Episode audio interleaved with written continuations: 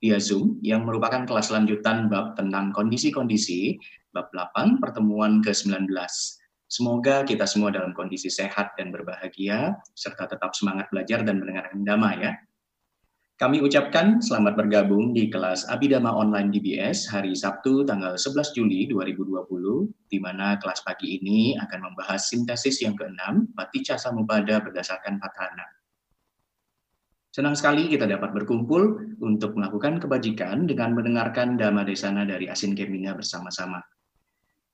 Kita juga senang uh, sekali dapat berkumpul melakukan kebijakan dengan memohon sila dan mendengarkan Dhamma Desana Selain itu, kami juga mengajak kalian minta untuk subscribe kanal YouTube Dhamma Wihari Budi Studies agar dapat selalu mendapatkan notifikasi upload Dhamma Desana YouTube terbaru. Jangan, jangan lupa untuk like atau follow sosial media DBS eh, lainnya seperti FB dan IG. Selain itu, kami juga mengajak kalian minta untuk subs, uh, untuk mengikuti grup Buddha Sasana Nugaha supaya bisa mendapatkan informasi-informasi DBS lainnya. Sambil menunggu kalamita yang lainnya untuk turut bergabung bersama kita, kami akan membacakan beberapa pengumuman. Pengumuman pertama, dalam rangka Hari Abidama, DBS akan menyelenggarakan lomba karya tulis ilmiah populer, di mana karya ini dilombakan berupa tinjauan pustaka atau literature review. Ya, syarat dan pendaftarannya dapat klik link yang ada di layar Anda. Pendaftaran akan ditutup akhir Juli ini, yaitu tanggal 31 Juli 2020. Pengumuman berikutnya, DBS yang sudah memulai uh, yang sudah memulai kelas bahasa Pali dengan Asin Keminda akan memulai kembali kelas baru di mana kelas Pali yang baru ini akan dibimbing oleh saya Leke Manyani setiap hari Minggu mulai tanggal 12 Juli besok pukul 18.30 sampai dengan 20.30 waktu Indonesia Barat. Seperti yang telah diketahui, batch pertama kelas Pali yang diasuh Asin Keminda telah berjalan selama satu setengah tahun, dan murid-murid tersebut pun sudah mulai belajar menerjemahkan suta dari Pali ke bahasa Indonesia.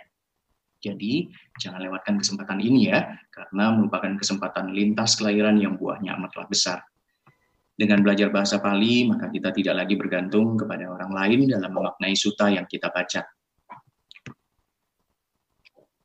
Besok juga jangan lewatkan kelas variati sasana ya uh, pada hari Minggu yang di mana kali ini Asin Geminda akan membahas sekaligus dua buah khotbah dari Buddha yaitu khotbah tentang kebencian dosa suta dari Iti Utaka titik dua dan khotbah tentang delusi Moha Suta dari Iti Utaka uh, bagian tiga melalui Zoom dan live streaming YouTube. Berikutnya segera terbit manual buku Abhidhamma bab yang ketujuh, volume kedua, yang berisikan ajaran tentang realitas hakiki dari Asin Keminda, dan kami buka bagi kalamita yang ingin berdana dengan kode 23, batas akhir 25 Oktober 2020. Berikutnya, kami juga buka kesempatan untuk berdana buku studi Abhidhamma volume pertama, karangan Yang Mulia Saya Dauhu Silananda dengan kode 53, batas akhir 20 September 2020. Mari kalian kita guna mengisi waktu kita yang berharga dengan membaca buku-buku terbitan DBS. Kami juga menyediakan buku-buku karya Asin Keminda.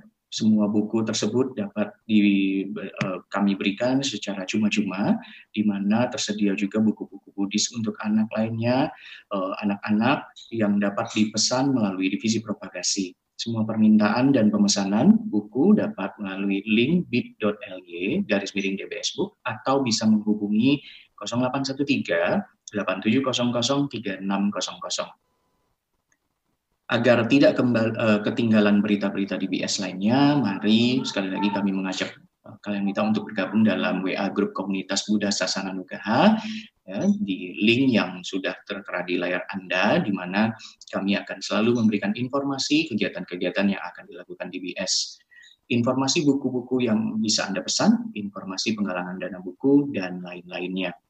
Terakhir, jangan lupa untuk follow, like, dan subscribe YouTube, the Facebook, Instagram DBS supaya tidak ketinggalan informasi kegiatan DBS lainnya. Demikian pengumuman dari kami. Selanjutnya, sebelum kami membuka acara pada hari ini, Izinkan kami menjelaskan beberapa tata tertib selama kelas Abidama online ini, supaya kelas dapat berlangsung dengan baik dan lancar. Yang pertama, kami berharap semua kalimita atau peserta dapat berpakaian rapi dan sopan, mengambil posisi duduk di tempat yang layak dan tidak sambil berbaring, kemudian mengikuti rangkaian kelas ini dengan penuh perhatian dan sukacita, dan pastinya tidak menyalakan TV atau sambil makan dan minum kami kembali menginformasikan hak dari host bahwa host berhak untuk mengendalikan audio dalam keadaan mute saat kelas berlangsung dan apabila ada peserta yang tidak mematuhi tata tertib dan berpotensi mengganggu jalan kelas, maka dengan segala hormat akan kami keluarkan dari Zoom meeting kelas uh, kelas Dapidama online ini. Pada saat sesi tanya jawab, bagi yang ingin bertanya, silakan klik tanda raise hand, fitur yang ada di partisipan bila yang menggunakan komputer, dan ada di bagian titik tiga bagi yang menggunakan HP. Tim yang akan menentukan siapa yang mendapatkan giliran untuk bertanya, dan pertanyaan diharapkan sesuai dengan topik ceramah. Bagi yang diperbolehkan bertanya akan di-unmute oleh host dan kami harapkan kalian minta memperkenalkan diri dengan menyebutkan nama dan kota atau negara tempat domisili. Dikarenakan adanya keterbatasan waktu, maka harap maklum apabila tidak semua penanya akan mendapatkan giliran. Demikian tata tertib kelas ini. Selanjutnya kami akan mengundang Bante Keminda untuk bergabung bersama kita semua. Mari kita siapkan batin dan jasmani kita dengan penuh sukacita agar mendapatkan manfaat terbaik dari mendengarkan Dhamma Desana hari ini. Mari kalian minta semua kita beranjali sambil menyambut kehadiran Bante Keminda. Ya, Suki untuk semuanya. Suki Bante, Wandami, Bante. Selamat ya. datang di kelas Abidama online pada pagi hari ini. Mm -hmm. Terima kasih. Tunggu Bante selama ini. Kami uh, persilahkan Bande untuk memulai kelas Abidama online pagi ini. Baik, terima kasih uh, Saudara Handi. Sebelum kita apa belajar materi kelas hari ini, mari kita memberikan penghormatan kepada guru agung kita. Namo tassa bhagavato arahato sama sambuddhasa namo tassa bhagavato arahato sama sambuddhasa namo tassa bhagavato arahato Sama Sambuddhasa. Baik, uh, Sugihontu semuanya. Semoga Anda semua dalam uh, keadaan sehat, damai dan bahagia.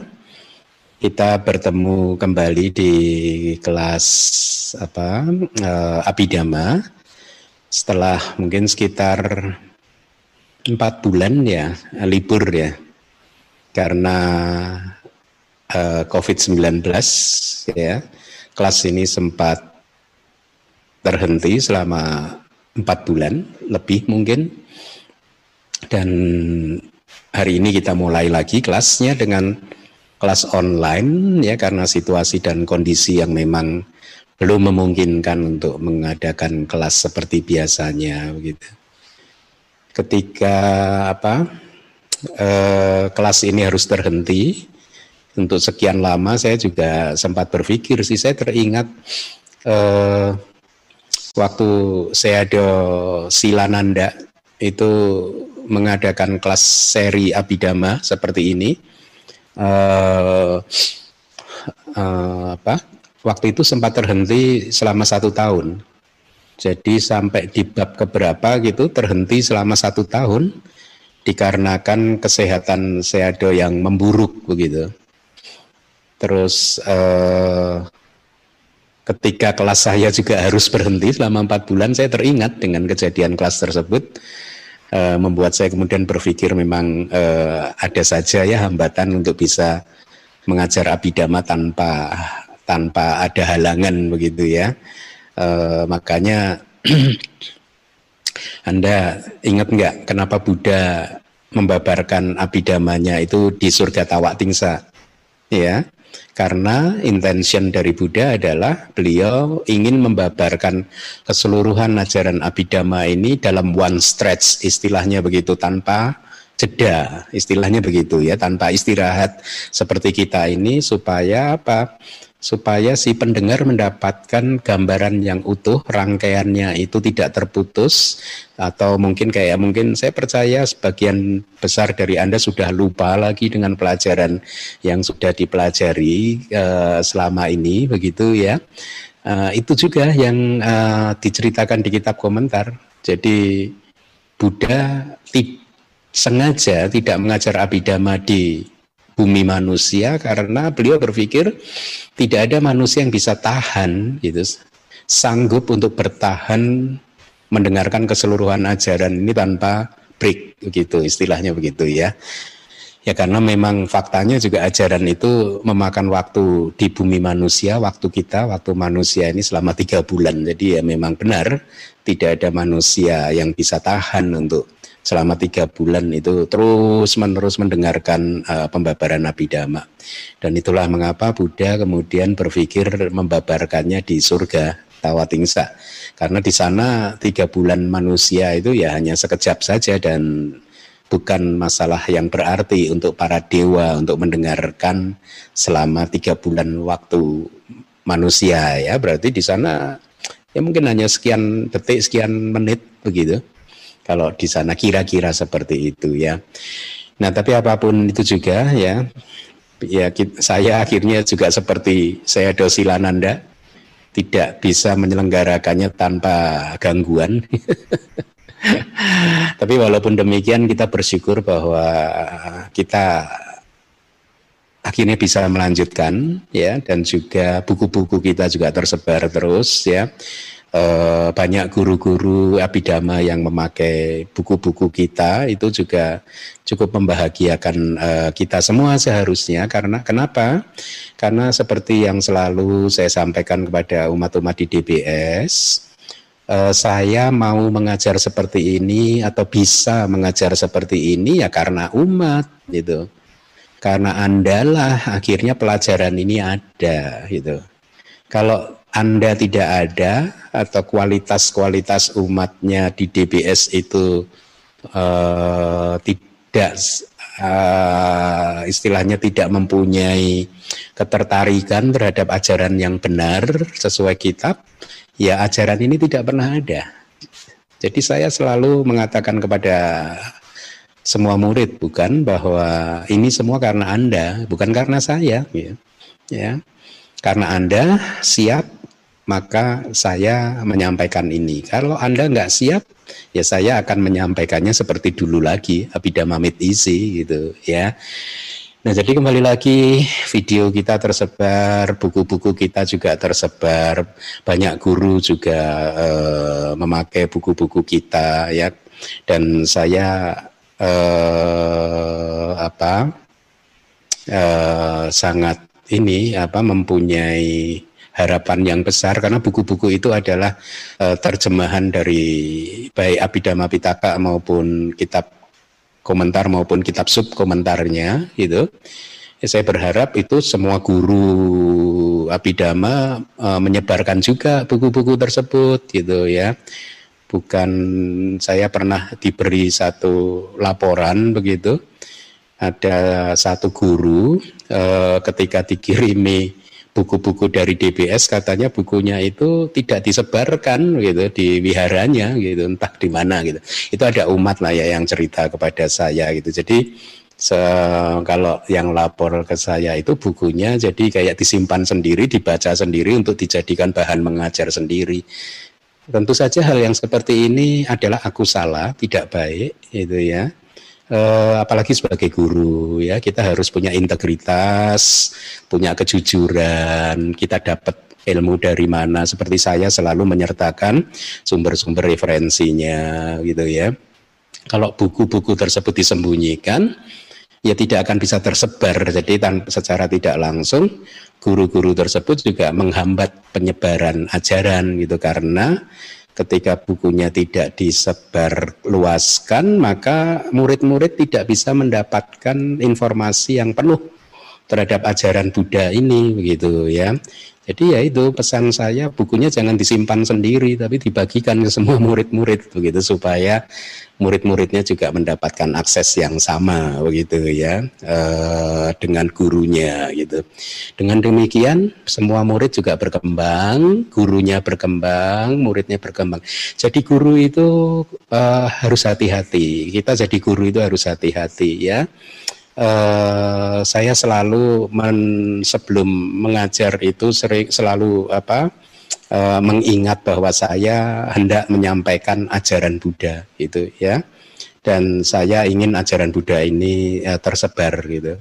Jadi saya juga menjaga kesombongan supaya kesombongan tidak muncul dan kilesa-kilesa lain tidak muncul dengan mencoba untuk uh, apa uh, membuka semuanya itu selebar-lebarnya sehingga siapa pun yang bisa mendengarkan uh, itu mendapatkan manfaat yang sebesar-besarnya begitu. Nah, uh, semua buku-buku yang kita terbitkan, buku-buku saya itu bukan saya yang menulis, itu dari kitab oleh karena itu menjadi kewajiban dari semua guru abidama untuk menyebarkannya, ya, disebarkan. Muridnya diberitahu, ini ada buku referensinya bagus nih dari kitab, bukan dari Bantai Keminda itu dari kitab gitu ya. Dan dengan demikian uh, muridnya bisa memupuk paraminya, bisa berkembang uh, dan Anda berkontribusi yang sangat besar untuk perkembangan uh, spiritual mereka. Baik, itu prolognya. Kita lanjutkan pelajaran uh, kita uh, tentang apa? Atijak samupada ya. uh, apa? Uh, saya pun juga apa istilahnya capet-capet kalau orang Jawa bilang itu lamat samar-samar teringat gitu karena terus terang berhubung kesibukan saya akhir-akhir ini menerjemahkan uh, Suta Pitaka yang nanti akan kita jadikan saya itu ya. Jadi benar-benar waktu saya itu tersita habis gitu. Belum sempat uh, mengingat-ingat lagi pelajaran apa yang sudah diajarkan di kelas abidama baik jadi uh, di bab ini kita belajar tentang uh, padijak samupada ya. Uh, tetapi seperti yang dulu pernah saya sampaikan mengajarkan patijak samupada semata-mata hanya patijak samupada itu tidak akan lengkap. Itu tidak lengkap ya. Dan tidak akan bisa eh, menggambarkan secara presisi dengan presisi yang baik terhadap fenomena-fenomena baik itu nama maupun rupa bagaimana mereka berlangsung mendukung satu dan yang lainnya dengan sangat tepat gitu Eh, kenapa? Karena patijak samupada itu hanya menjelaskan kepada kita tentang Iti ima seming sati idang hoti, ima supada idang upajati, ima seming sati idang nak hoti, ima sak niroda idang nirujati. Jadi hanya ketika ini ada, itu ada dan seterusnya. Tetapi bagaimana uh, A mengkondisikan kemunculan B dengan cara yang seperti apa, Patijak Samupada tidak menjelaskannya. Dan cara pengkondisian itu atau pacaya sati, the power of conditions uh, itu diajarkan di Padhana. Oleh karena itu kalau di Myanmar dulu uh, kita mempelajarinya Patijak Samupada digabungkan, dibahas dengan bantuan atau pisau analisa padhana. Ya. E, padhana itu adalah big subject di dalam di, di Myanmar sana bahkan e, mungkin satu tahun yang lalu saya mendapat undangan dari guru abidama saya di Myanmar untuk hadir di kelas khusus yang membahas tentang padhana oleh master padhana di Myanmar gitu. Ya, tapi karena satu dan lain hal Anda tahu sendiri, saya tidak bisa meninggalkan DPS untuk jangka waktu sebulan, dua bulan begitu, makanya dengan sangat terpaksa gitu saya menolak apa tidak bisa menghadiri undangan tersebut. Jadi di Myanmar pelajaran Padhana itu sangat eh, terkenal sangat terkenal itu ya. Di mana-mana orang mengajarkan padhana gitu ya. Tetapi beda kalau di sana itu Anda harus tahu kalau belajar itu ya hanya sesuai kitab. Benar-benar mengikuti kitab. Jadi kalau uh, kita belajar di sana itu yang kita hadapi itu kitab. Dan saya ada akan menjelaskan sesuai kitab. Dan kita ikut membaca kitabnya. Itulah mengapa pembelajaran di sini harusnya begitu. Kalau guru abidama siapa pun itu ya kalau Anda mengajar abidama gitu bagikanlah buku-bukunya kepada murid-muridnya gitu. Dan sama-sama dipelajari itu akan lebih bagus gitu ya. Akan lebih bagus karena eh, benar-benar uh, belajar ajaran Buddha bukan ajaran diri sendiri seperti yang saya katakan kan. Kita sebagai guru itu kan harusnya uh, apa uh, hanya mengajarkan ajaran Buddha, bukan berlindung di balik Buddha untuk mengajarkan ajaran sendiri. Jadi eh, hanya dengan demikianlah kalau attitude-nya begitu maka ajaran ini akan akan berkembang dengan sangat baik karena biar bagaimanapun sekarang buku-bukunya sudah ter, eh, sudah dicetak, sudah banyak, sudah tersebar kan. Ya, baik. Materi pada pagi hari ini adalah link eh, mungkin slide-nya bisa ditampilkan. Uh, tanha pacaya upadanang. Saya harap Anda masih ingat cara untuk menerjemahkan tanha pacaya upadanang ya. Uh, itu kalimatnya sebenarnya di dalam link seperti itu tidak lengkap ya. Harusnya setelah upada kata kerjanya ya, kata kerjanya itu ter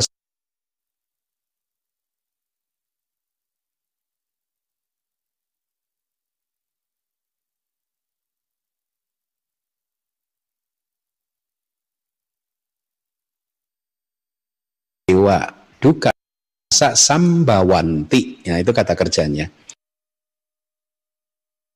Tapi kita hanya satu persatu link seperti itu maka bukan kata kerjanya bukan plural jamak tapi singular atau single.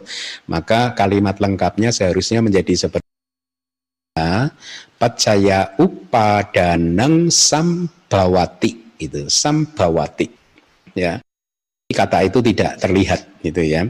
Nah, sambawati itu uh, artinya hmm, bisa berasal, originate gitu, berasal, bisa muncul juga. Berarti kalau Anda terjemahkan itu berasal berarti uh, bisa diterjemahkan upadana, pelekatan berasal patsaya itu adalah ablatif dari tanha nafsu kehausan sebagai pacaya itu jadi terjemahannya bisa seperti itu ya. Pelekatan berasal dari nafsu kehausan sebagai pacaya ada banyak cara menerjemahkan gitu. Ada yang pacayanya itu diterjemahkan sebagai karena nafsu kehausan eh, sebagai kondisi maka upadana muncul dan lain sebagainya ya tapi sebenarnya mungkin yang paling eh, paling paling akurat ya seperti yang pertama tadi, upadana berasal dari tanha sebagai pacaya. Itu. Nah, uh, saya uh, rasa Anda sudah mendapatkan slide yang dibagikan, ya. Jadi di sana saya tulis di sini yang disebut upadana itu adalah empat upadana, ya empat upadana. Ya, Anda masih ingat kan pelajaran bab tujuh yaitu upadana itu ada empat apa saja? Kamu padana, terus uh, tidu padana, kemudian uh, sila batu padana atau wadu padana. Itu ya ada empat upadana itu. Tapi sebenarnya dari empat upadana tersebut itu tidak semuanya cetasika loba ya. Uh, dari empat tersebut yang cetasika loba apa saja, apa saja? Ya hanya satu. Yang pertama yaitu yang kamu padana itu. Tiga cetasika yang berikutnya itu bukan loba cetasika tetapi apa? Cetasika didik, pandangan uh, salah itu. Nah di slide ada apa itu Anda baca definisinya. Saya akan uh, bagus kalau Anda tahu definisi tersebut. Yang pertama itu kan wadu sangkatang kamang upa dia titik kamu padanang. Kamu cakso upadanan ca tipi kamu padanang. Ya, jadi waduk sangkatang kamang upa diati kamu padanang. Upa diati itu adalah menggenggam dengan erat jadi menggenggam erat kamang. Kamang itu kenikmatan indriawi. Gitu. Sangkatang itu yang disebut waduk. Waduk itu objek. Jadi waduk sangkatang kamang upa diati itu menggenggam dengan erat kenikmatan indriawi yang disebut sebagai objek bisa Anda tambahi objek panca indera di sini maksudnya karena indriawi itu kama itu selalu berhubungan dengan panca indera, bukan dengan uh, uh, indria yang keenam yaitu indria mental, bukan. Jadi hanya khusus lima indria saja. Ya, saya ulangi terjemahannya. Upadiati menggenggam dengan erat upa itu erat gitu ya kenikmatan indriawi yang disebut sebagai objek panca indera ya itu definisinya titik titik. Kemudian kamu cakso upadanan catipi kamu padanang gitu ya. Jadi demikianlah itu pelekatan yang dinamakan kenikmatan indriawi. Itu definisi dari kamu padanang adalah pelekatan yang dinamakan kenikmatan indriawi gitu ya. E, yaitu e, kamu cak Kenikmatan indriawi so upadananca itu adalah pelekatan. Jadi kenikmatan indriawi itu sendiri menjadi pelekatan. Itu ya. Nah, e, untuk bisa memahami ini Anda harus ingat lagi kama K A M A itu ada dua ya. Ingat di Suta uh, di kelas uh, Pariyati Sasana juga pernah saya sampaikan ya di Kama Suta itu kitab komentar mendefinisikan kama itu atau kenikmatan indriawi itu uh, uh, sebagai dua ada dua macam ya yaitu yang pertama adalah waduk kama yang kedua adalah kilesa kama ya. Waduk kama itu adalah objek-objek panca indera. Jadi objek panca indera pun juga disebut sebagai kama gitu tapi kilesa kama itu juga disebut sebagai kama. Kilesa berarti kama sebagai kilesa, yaitu nafsu-nafsu kita, keserakahan kita ya untuk menikmati objek-objek panca indera, kerinduan-kerinduan kita, kehausan-kehausan kita. Itu pun juga disebut uh, kama. Nah, tetapi di dalam link uh, tanha pacaya kamu kamu padana, ingat ya, karena upadana itu ada empat, maka Anda harus link itu dielaborasi dengan detail. Yang pertama adalah tanha pacaya kamu padana, yang kedua adalah tanha pacaya didu padana atau didik pandangan salah. Kemudian tanha pacaya sila batu para mas, uh, sila batu padana. Kemudian yang keempat tanha pacaya atak wadu padana itu dielaborasi satu persatu ya. Nah berkaitan dengan tanha pacaya kamu padana atau uh, uh, ki, uh, apa kenikmatan indriawi sebagai pelekatan berasal dari tanha sebagai kondisi. Kenikmatan indriawi yang dimaksud di sini adalah melekati objek indriawi, ya. Jadi uh, kilesa kamanya kita melekat kepada objek uh, objek indriawi, gitu, ya uh, bukan objek indriawinya, bukan, ya, tapi kilesa kamanya, kilesanya, ya. Nah makanya belajar abidama itu menjadi penting sekali, ya. Dengan memahami yang ini saja, maka anda sudah bisa menyimpulkan bahwa sebenarnya objek-objek di dunia itu tidak tidak jadi problem, tidak jadi masalah. Yang menjadi masalah itu bukan objek panca indera, tetapi kilesa kita yang melekat terhadap objek panca indera, gitu kan? Makanya kan saya selalu memberikan jawaban yang seperti itu kan ketika ada seseorang komplain tentang uh, kenapa nggak vegan, nggak jadi vegan, kenapa makan daging dan seterusnya atau orang yang mengunggul-unggulkan vegan begitu kan saya selalu menjelaskannya seperti itu. Karena daging atau vegetarian food itu kan hanya waduk, hanya objek, hanyalah objek panca indera ya. Dan dia tidak menjadi sumber masalah. Yang menjadi sumber masalah adalah kilesa eh, kama atau kilesa nafsu-nafsu kita yang menyenangi merindukan objek-objek panca indera. Nah di slide itu ada kan definisinya kamu cakso upadanan ca tipik kamu padanang itu kan ada kan? Jadi itu terjemahannya kira-kira begini. Kamu padana eh, uh, tik juga tiknya adalah bisa adalah kenikmatan indriawi dan itu adalah pelekatan. Atau kalau diterjemahkan dari kiri ke kanan kamu kenikmatan indriawi cak dan so itu upadana adalah upadana. Ya tik demikianlah juga un, uh, kamu padanang atau pelekatan indriawi yang dinamakan kenikmatan indriawi. Nah, dari definisi ini Anda harus paham bahwa eh, pelekatan di sini ya kilesa kama itu. Kamu cak seupadana cak tipi gitu kan. Jadi kamu itu sendiri, kilesa kama itu sendiri adalah pelekatan di sini. Itu ya. Jadi yang dimaksud di sini adalah cetasika apa? Ya, cetasika lo atau keserakahan Nah, kalau tidak salah juga di kelas-kelas yang lalu saya sudah sampaikan kepada Anda bahwa upadana itu adalah tanha yang sudah mengalami perkuatan atau penguatan ya. Anda harus ingat linknya kan tanha pacaya upadana itu kan upadanang. Jadi uh, upadana itu adalah tanha yang sudah mengalami perkuatan itu ya atau bahasa palinya ada di slide itu tanha dalha itu.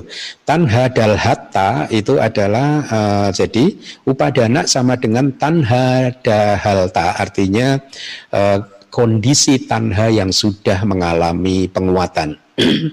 Atau keadaan tanha yang sudah menjadi kuat ya nah Upadana juga akhirnya disebut sebagai kekukuhan tanha, ya, kestabilan tanha, tanha yang sudah stabil, gitu.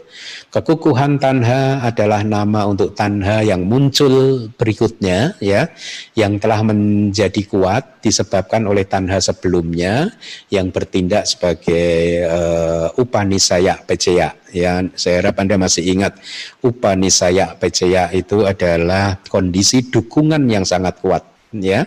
Jadi ada dukungan yang sangat kuat yang menjadi kondisi untuk kemunculan tanha.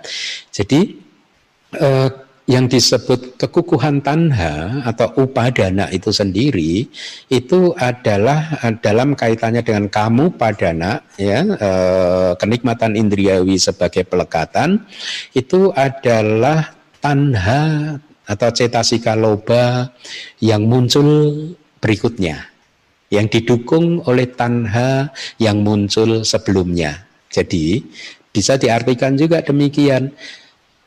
Tanha pacaya kamu padana itu artinya tanha pacaya tanha yang berikutnya.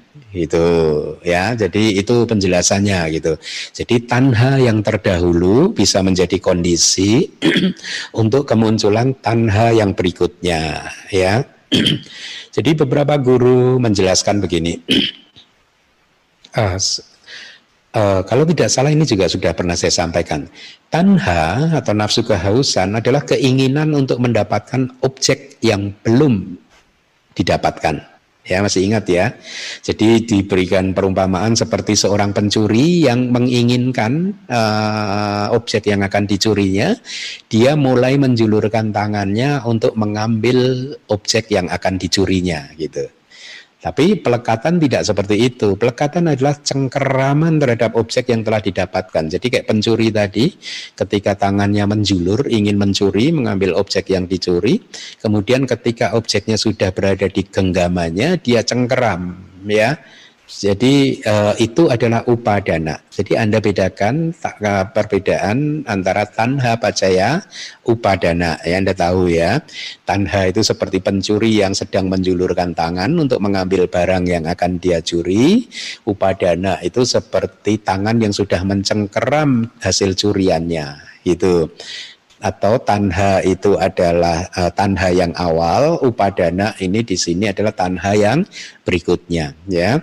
Nah, uh, tentang hal ini saya rasa Anda boleh mendengarkan kembali ceramah saya di YouTube uh, tentang link pembahasan tentang uh, mungkin Wedana Pacaya Tanha kalau tidak salah ya. Berarti satu kelas sebelum ini gitu. Nah, jadi saya ulangi lagi, kamu padana atau pelekatan yang disebut kenikmatan indriawi itu tidak lain adalah cetasika loba atau keserakahan. Nah, bagaimana dengan upadana yang berikutnya, yang tiga yang berikutnya, gitu, yaitu apa? E, didu padana, sila batu padana, atau wadu padana apa? Cetasika, didik, pandangan salah. Nah, ini juga yang jarang diketahui oleh orang-orang gitu ya. Kalau di suta upadana tidak jelas terlihat. Upadana ya hanya seolah-olah terlihat hanya sebagai tadi kamu pada anak tadi yang pertama.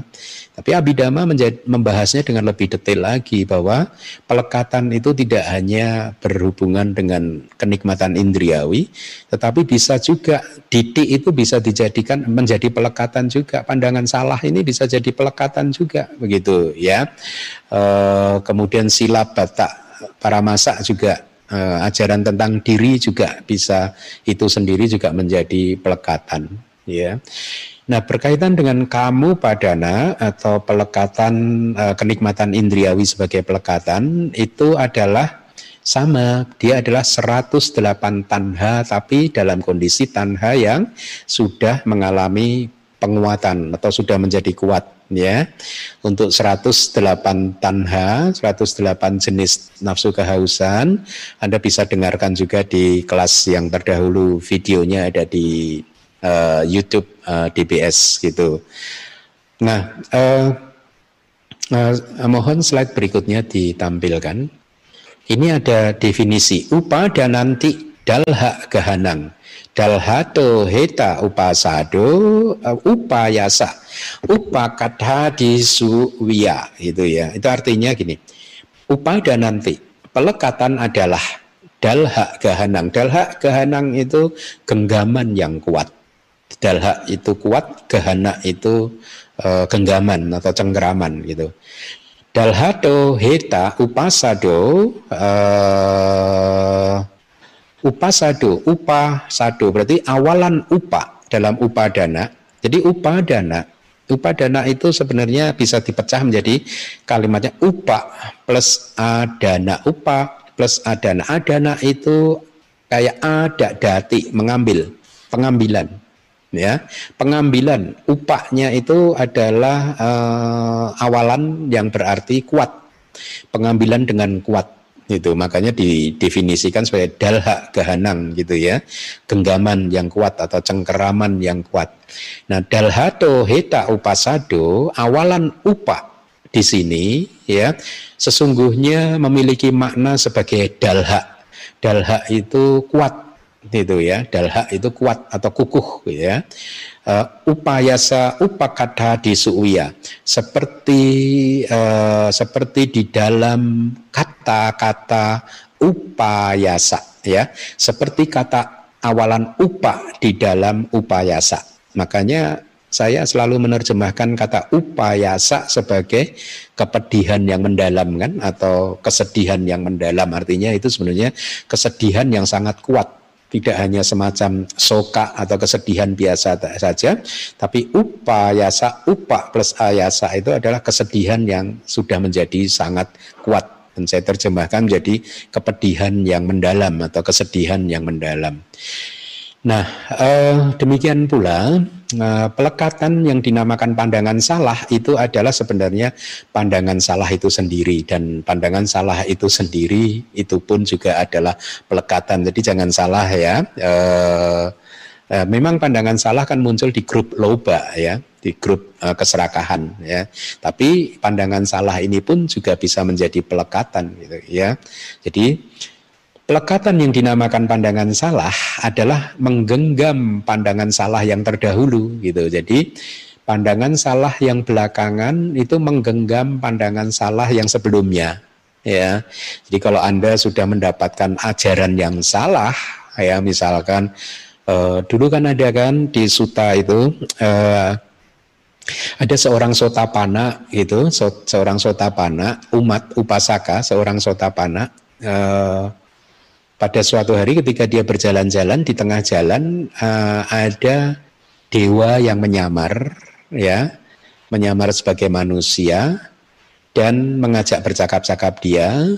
Kemudian dewa ini sebenarnya pengen menguji uh, si sotapana ini gitu ya dengan mengatakan begini bahwa dia baru saja mendengar Buddha mengizinkan kita untuk melanggar Pancasila gitu ya nah eh, si Sotapana karena dia sudah menjadi seorang Sotapana dia tidak percaya bahwa Buddha pernah berkata seperti itu jadi walaupun di tekankan berkali-kali dia tetap menjawab bahwa itu tidak mungkin bahwa Buddha mengizinkan pelanggaran uh, lima sila begitu ya. Jadi uh, bahkan ketika dewa yang menyamar tersebut uh, apa uh, memberi sesuatu untuk melanggar sila, dia menolaknya. Dia tetap tidak mau melanggar sila, gitu ya. Karena memang seorang sotapana sudah tidak bisa melanggar lima sila lagi kan. Nah, poin yang ingin saya sampaikan adalah ketika seseorang yang bukan sotapana ya diberikan ajaran yang salah yang berupa pandangan salah bahwa katakanlah membunuh binatang itu diperbolehkan atau membunuh orang lain itu diperbolehkan saking dia meyakini siapa yang memberitahu dia maka dia benar-benar menganggap itu sebagai kebenaran gitu ya Nah, eh, pandangan salah yang seperti itu kan munculnya bisa berulang kali, itu ya. Semakin lama dia menggenggam pandangan salah tersebut, maka semakin dia melekat. Pandangan itu sendiri sudah menjadi pelekatan. Ya artinya pandangan salah dia hari ini itu benar-benar melekati pandangan salah dia yang sebelumnya, yang kemarin, yang kemarinnya lagi. Tapi Anda harus ingat ya, pandangan salah itu sama seperti fenomena mental yang lain, dia muncul dan lenyap dengan kekuatan atau kecepatan yang sangat tinggi sekali, itu ya. Nah, eh, demikian itu ditu padana, itu pandangan salah sebagai pelekatan gitu ya. Nah, bahwasanya di dalam kalimat Eh, di kitab komentar dijelaskan begini di dalam kalimat seperti diri dan dunia adalah kekal ya pandangan salah yang muncul belakangan akan melekati pandangan salah yang muncul uh, sebelumnya gitu. Yaitu contoh pandangan salah yang diberikan di kitab komentar bahwa kita ini kekal dunia ini kekal dan seterusnya gitu ya. Nah terhadap uh, definisi berikutnya dari kitab komentar Dido padana atau pandangan salah sebagai pelekatan itu apa ya? Pandangan salah sebagai pelekatan itu tidak lain adalah dasak waduka mica didik atau pandangan salah yang berlandaskan pada sepuluh hal ya pada sepuluh hal seperti nadi dinang, nadi hutang, nadi yitang dan seterusnya itu. Tidak ada sesuatu yang didanakan artinya tidak ada manfaatnya. Berdana itu tidak ada buahnya gitu ya. E, berkorban itu tidak ada ber, tidak ada manfaatnya. Berkorban itu artinya berdana yang besar-besaran begitu ya. Atau menghormati ayah menghormati ibu itu nggak ada manfaatnya. Jadi didu padana itu adalah sepuluh landasan yang menjadi objek untuk pandangan salah itu ya. Saya rasa di buku buku saya terdahulu sudah ada kan di buku karma, di buku manual abidama yang kelima itu kalau nggak salah ada gitu. Next slide. Tata sila batang upa dia titik sila batu padanang sila batang cak tang upa danan catipi sila batu padanang. Nah, jadi itu definisi ya. Makanya kepada semua guru abidama itu saya sangat-sangat ingin menekankan kepada Anda peganglah definisi itu dengan ketat gitu. Jangan menciptakan istilah-istilah sendiri. Abidama itu bukan ajang untuk berakrobat menunjukkan tingkat intelektualitas guru, tetapi abidama ini ya karena ini ajaran Buddha kita itu hanya penyambung lidah katakanlah ya, menyampaikan ajarannya Buddha gitu. Maka ikuti definisi-definisi itu dengan ketat ya supaya kita sendiri paraminya meningkat, guru itu sendiri paraminya meningkat, murid yang mendengarkan pun juga mendapatkan penjelasan yang akurat. Karena kalau kita menciptakan, apalagi kalau Anda tidak paham bahasa Pali, kemudian menciptakan sendiri, itu ya pasti salah kaprah gitu. Saya dulu ketika di Myanmar, ya pada saat bahasa Pali saya itu belum kokoh, ya belum belum begitu uh, uh, mencukupi begitu. Saya selalu uh, apa kalau khususnya abidama, saya selalu memakai terminologi yang diterjemahkan oleh Biku Bodhi dan saya tidak menciptakan terminologi sendiri begitu ya saya pakai terminologi yang dipakai uh, oleh Biku Bodhi dan guru-guru saya di Myanmar juga memakai bukunya Biku Bodhi begitu. Memang attitude-nya harusnya seperti itu. Kenapa? Karena Biku Bodhi sudah kita anggap sebagai bante yang venerable yang uh, menguasai bahasa Pali. Ya jadi kita itu ikuti. Sama di Indonesia Anda guru-guru abidama harus disadari bahwa Uh, kalau Anda belum paham bahasa Pali, ya Anda harus menginduk kepada istilah yang sudah diterjemahkan oleh mereka yang paham bahasa Pali gitu. Jangan menciptakan sendiri begitu ya. Uh, karena itu tidak baik untuk semuanya. Nah, mari kita lanjutkan. Di layar Anda bisa lihat uh, di slide Anda, tata sila batang upadiati sila batu padanang. Tata demikian pula gitu ya atau dengan cara yang sama gitu. Sila batang upadiati pelekatan uh, atau sila batu padanang. Pelekatan yang dinamakan aturan-aturan dan ketaatan-ketaatan. Sila bata itu aturan-aturan dan ketaatan-ketaatan adalah pelekatan yang menggenggam aturan-aturan dan ketaatan-ketaatan gitu ya. Upadiati. Menggenggam dengan erat menggenggam dengan kuat ya.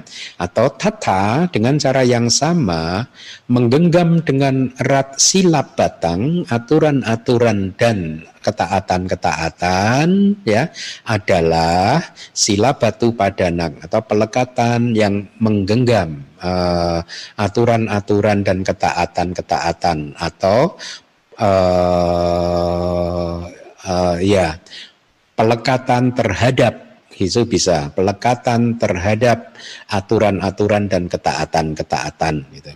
Sila batan cak tang upadanan catipi sila sila batu padanang gitu. Jadi uh, sila bata dan itu adalah pelekatan gitu. Demikianlah itu sila batu padanang. Jadi sila batu padanang atau e, pelekatan terhadap aturan-aturan dan ketaatan-ketaatan itu sesungguhnya adalah aturan-aturan ketaatan dan itu adalah pelekatan atau melekati aturan ketaatan apa aturan-aturan dan ketaatan-ketaatan.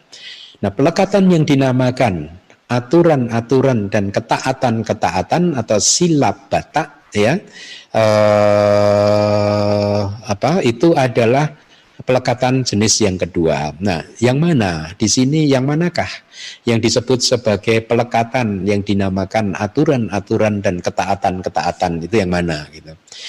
Di kitab komentar dijelaskan pandangan para pertapa dan brahmana di luar sasana, artinya di luar ajaran Buddha, yaitu yang menganggap begini, bahwa kesucian itu bisa didapatkan uh, melalui ketaatan-ketaatan, ya.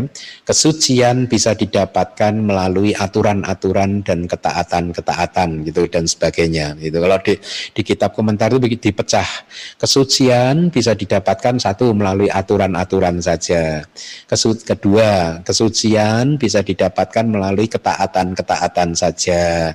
Ketiga, kesucian bisa didapatkan melalui aturan-aturan dan ketaatan-ketaatan.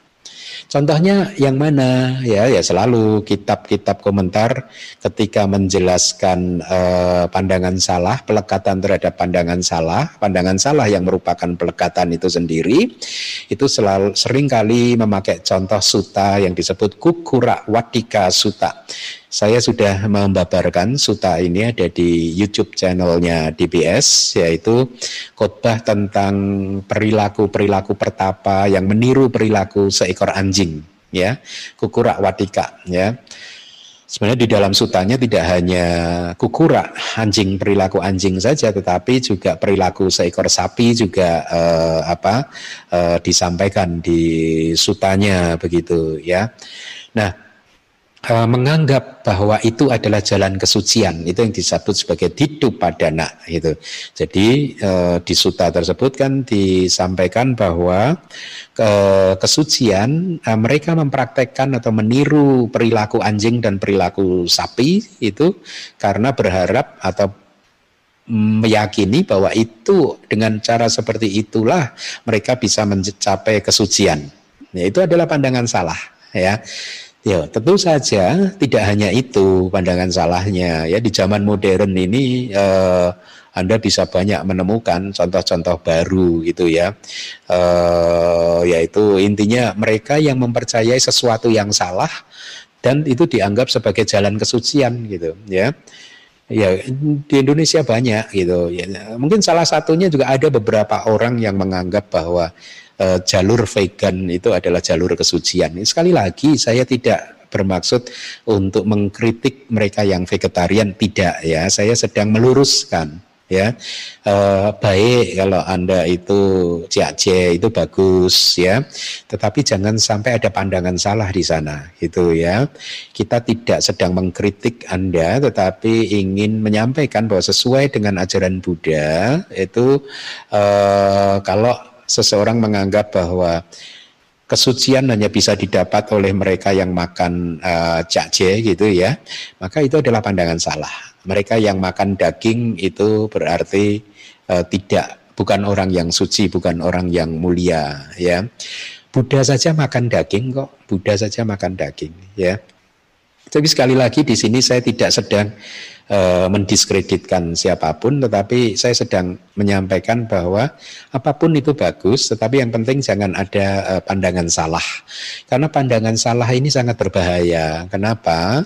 Kalau pandangan salah ini berbuah, bisa memunculkan pancakanda atau lima agregat di empat apa ya di neraka bahkan. Ya kalau pandangan salah itu bahkan di neraka tempatnya ya e, kan ini berbahaya ya jangan sampai hanya gara-gara kita mempraktekkan sesuatu dan kita yakini secara keliru oleh pandangan salah kita lalu pandangan salah ini malah menjadi karma produktif yang menghasilkan apa e, lima agregat atau kelahiran kembali kita di neraka gitu ya. Nah baik yang ketiga adalah ada wadu padana. E, yang ketiga ya. Atau, atau yang keempat ya uh, Atta Wadu Padana ya itu pelekatan yang dinamakan ajaran tentang diri itu ya. Jadi demikian pula dengannya orang-orang mengajarkannya, demikianlah yang disebut ajaran itu definisi. Ajaran itu artinya sesuatu yang orang-orang mengajarkannya gitu. Tapi melalui ajaran itu eh, mereka mencengkeram kuat maka itulah definisi pelekatan gitu. Apakah yang mereka ajarkan dan mereka cengkeram dengan kuat? Itu kitab komentar bertanya. Yang mereka ajarkan dan mereka cengkeram dengan kuat adalah diri, ya, roh, ya.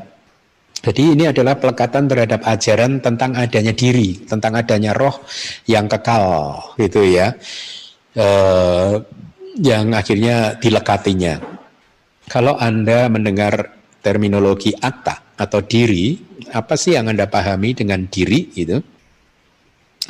Diri itu uh, kalau di kitab komentar didefinisikan sebagai sami. Sami itu pemilik. Jadi diri itu adalah seolah-olah di dalam tubuh jasmani dan juga batin kita ini ada wujud yang menjadi pemilik dari tubuh jasmani ini atau pemilik dari agregat mental ya Wedana Kanda, Sanya Kanda, Sangkara Kanda, Winyana Kanda itu ada pemiliknya. Itu definisi yang pertama. Nah, kemudian yang kedua karaka. Karaka itu adalah uh, pelaku. Jadi ada pelaku gitu. Ya, dalam kehidupan sehari-hari tidak dipungkiri kalau uh, seseorang itu belum berhasil menghancurkan pandangan salah, belum menjadi seorang sotapana, maka keyakinan tentang adanya pemilik dari tubuh jasmani dan fenomena mental atau agregat mental ini, kemudian pelaku, oh saya sedang mendengarkan dhamma saya sedang membabarkan dhamma, seolah-olah ada pelakunya yang sedang membabarkan dhamma gitu. Itulah pandangan salah tentang diri itu ya. Kemudian yang ketiga adalah wedaka. Wedaka itu adalah yang yang merasakan ya. Jadi saya sedang sakit ya, saya sedang senang, saya sedang merasakan makanan yang enak itu ya Anda Anda renungkan coba di dalam kehidupan Anda sehari-hari sering kan hmm, mengalami seperti ini kan ya. So Anda uh, sedang bercakap-cakap dengan teman Anda Anda sedang merasakan panas dingin dan dahaga lapar dan lain sebagainya.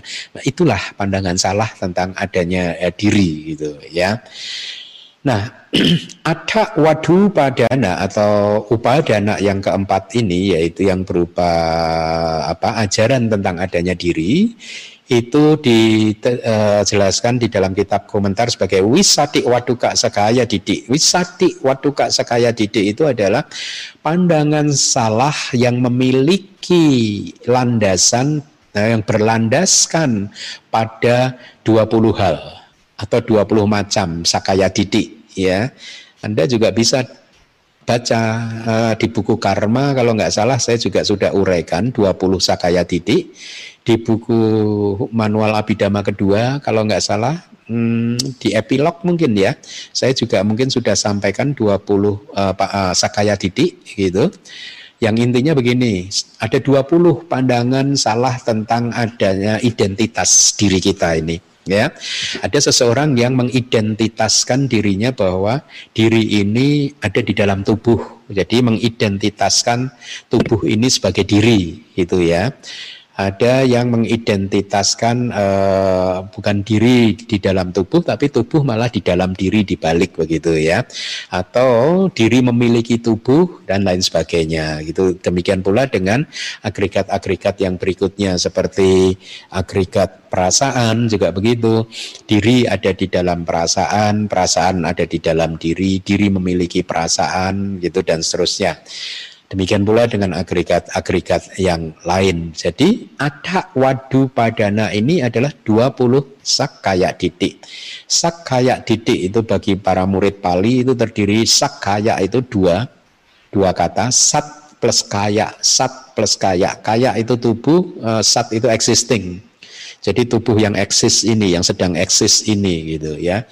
Jadi eh, tapi diterjemahkan jadi pandangan salah tentang identitas diri itu sakaya didik gitu. Nah, eh, next slide berdasarkan urutannya ya uh, ada urutan kemunculan, urutan pelenyapan, dan urutan pengajaran. Gitu. Di sini urutan kemunculan tidak diartikan secara literal karena sesungguhnya Anda harus pahami lagi. Saya rasa di kelas yang lalu juga saya sudah sampaikan bahwa di dalam samsara ini yang tidak ada awal yang sudah bisa diketahui, tidak ada awal yang bisa diketahui lagi, itu tidak ada kemunculan kilesa ini yang pertama, itu yang kedua, ini yang ketiga enggak Ya, ini ini ini bagus. Kalau Anda tidak baca kitab komentar, Anda tidak ada akan tahu. Ya makanya uh, kita itu lebih baik mengajarkan ajaran Buddha yang sesuai dengan kitab komentar karena banyak informasi-informasi yang membuat pemahaman kita menjadi semakin akurat ketika kita membaca kitab komentar ya. Nah, kitab komentar mengatakan bahwa di dalam samsara yang awalnya tidak diketahui lagi ini tidak ditemukan bahwa kilesa ini muncul pertama kali gitu. Jadi di dalam diagram patijak samupada meskipun awija pacaya sangkara, sangkara pacaya winyanang dan seterusnya awija itu disebutkan sebagai yang pertama, tetapi bukan berarti awija ini adalah kilesa yang muncul pertama kali di samsara. Tidak, itu ya. E, bukan awija ya bukan yang mana. Yang yang yang pertama lalu yang mana gitu. Ya tidak bisa diketahui ya. Jadi e, ini pun kalau nggak salah saya juga sudah sampaikan di dalam eh, kelas-kelas terdahulu ya. Nah setelah menguraikan tanha pacaya upadanang dengan lengkap seperti itu ya tanhanya bagaimana Bante? Kok belum diure? Nah tanhanya ya Anda harus lihat di kelas yang sebelumnya ya. Atau Anda lihat di slide yang uh, ada di websitenya DBS saya rasa ada di sana. Ada 108 tanha begitu nafsu kehausan. Anda boleh lihat di sana gitu ya Nah, hubung sekarang setelah menguraikan tanha sudah diuraikan, kemudian upadana sudah diuraikan, pertanyaannya adalah bagaimana sih tanha memunculkan upadana? Gitu. Bagaimana sih tanha memunculkan kamu padana? Bagaimana tanha menjadi kondisi untuk kemunculan ditu padana? Bagaimana tanha menjadi kondisi untuk kemunculan silabatu uh, uh, silabat tu padana ya. Yang keempat adalah ada waktu ada wadu padana. Bagaimana gitu? Kitab komentar menjelaskan begini. Tanha itu adalah kondisi dalam satu cara saja, dalam satu cara saja untuk upadana yang pertama. Ya. Uh, ya ada di slide itu. Tanha adalah kondisi dalam satu cara saja untuk upadana yang pertama atau pelekatan yang pertama. Apa itu? Yang pertama kamu padana ya akan tetapi untuk tiga pelekatan sisanya tanha menjadi kondisi dalam tujuh atau delapan cara ya. Nah kama tanha ya e, menjadi kondisi untuk kamu padana melalui satu kondisi yaitu upanisaya peceya upanisaya peceya ya e, dukungan yang sangat kuat kondisi ya, dan itu adalah dukungan yang sangat kuat. Itu ya upah itu kuat nisaya itu dukungan. Jadi dukungan yang sangat kuat. Kemudian kamu padana muncul pada uh, dengan demikian ya ketika kama tanha menjadi dukungan yang sangat kuat untuk kemunculan kamu padana maka penjelasannya kira-kira kamu pada anak itu muncul pada objek yang sama yang telah diambil oleh kama tanha. Ya. Jadi misalkan Anda melekati atau bernafsu sekali terhadap uh, uh, apa sesuatu yang Anda sukai. Katakanlah mobil Anda begitu ya. Maka tanha Anda terhadap mobil tersebut yang disebut kama tanha ya uh, objeknya adalah mobil. Dia mengkondisikan kamu pada anak. Nah, kamu pada anak di sini mengambil objek apa? Ya mobil itu tadi. Ya artinya tanha yang awal yang masih relatif lebih lemah menjadi kondisi untuk tanha yang berikutnya yang lebih kuat dari tanha yang pertama. Walaupun saya mengatakan tanha yang lemah, tetapi Anda harus pahami di dalam diagram Patijak Samupada, ya, di keseluruhan link Patijak Samupada, Awija pacaya sangkara, sangkara pacaya winyanang, winyanang pacaya nama rupa, nama rupa pacaya salayatan, tanang pacaya paso, pasa pacaya wedana, wedana pacaya tanha, tanha pacaya upadana, upadana pacaya bawo, bawo pacaya bawa pacaya jati, jati pacaya jera meranang soka paridewa dan seterusnya itu. Hanya ada satu link yang bisa kita pecah untuk keluar dari samsara ya. Link yang bisa kita pecah yang kita bisa potong itu adalah link wedana pacaya tanha. Hanya di situlah ya ketika wedana muncul maka kita bisa mencegah supaya tanha itu tidak muncul ya. Tetapi di link-link yang sebelumnya ataupun sesudah itu dia tidak bisa dicegah lagi. Dia akan berputar gitu ya. Jadi roda patijak samupada hanya bisa dihentikan di link atau di hubungan wedana pacaya tanha. Artinya kemunculan wedana tidak harus memunculkan tanha. Itu ya. Itulah jalur pencerahan, jalur keluar dari samsara. Nah, poin yang ingin saya sampaikan adalah meskipun saya tadi mengatakan tanha itu adalah lemah, tetapi begitu tanha itu sudah muncul sudah tidak ada harapan lagi ya tidak ada harapan lagi untuk memutusnya dia sudah menjadi kebenaran mulia yang kedua. Dia sudah berpotensi menjadi sebab kemunculan penderitaan gitu ya.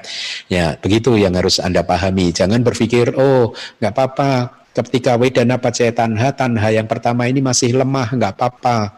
Jangan sampai menjadi upadana, maka kita harus putus tanha, jangan jadi nafsu yang lebih kuat lagi. Tidak ya meskipun tanha didefinisikan sebagai tanha yang lemah tetapi dia sudah tidak terhindarkan lagi dia sudah menjadi kebenaran mulia yang kedua yaitu sebab atau asal mula dari penderitaan.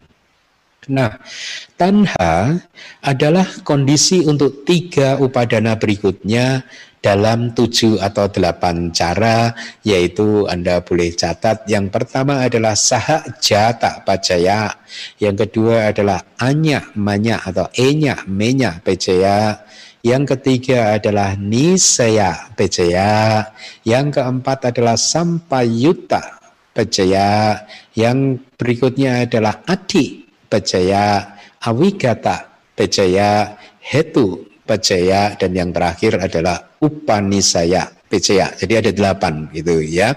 Di upanisaya pecaya sebenarnya bisa di, di, dibedakan ya. Jadi saya ulangi lagi. Tanha itu menjadi kondisi untuk tiga upadana yang terakhir ada dalam tujuh atau delapan cara. Yang pertama adalah saha jata pacaya, kedua adalah hanya manya atau enya minyak pecaya, yang ketiga adalah nisaya pecaya, yang berikutnya adalah sampayuta pecaya, yang kelima adalah adi pecaya, yang keenam awigata pecaya, yang ketujuh hetu pecaya, dan yang kedelapan adalah upanisaya pecaya. Nah, kan tetapi ketika tanha menjadi kondisi melalui upanisaya pecaya, maka hubungan kausalitasnya tidak pernah bisa sahajata. Ya, Anda ingat ya.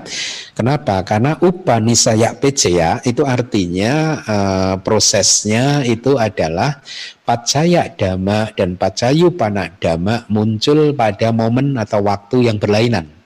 Maka ketika menjadi upanisaya pecaya, dia tidak pernah bisa menjadi uh, sahajata percaya gitu ya. Makanya tadi tujuh atau delapan cara gitu ya, gitu ya. Nah, eh, saya rasa waktu sudah sepuluh ya. Kita mau lanjutkan atau tanya jawab? Panitia? Mungkin tanya jawab saja ya. Ini boleh, Bante kalau apakah masih kira-kira mungkin lima menit masih bisa gitu? Ya. Link uh, Tanha Pacaya Upadana udah selesai sih. Kalau yang berikutnya itu Upadana Pacaya Bawo, saya rasa minggu depan aja kali ya. Baik Bante. Nah. Terima kasih Bante. Sama-sama. Ya demikian pembabaran materinya, semoga bermanfaat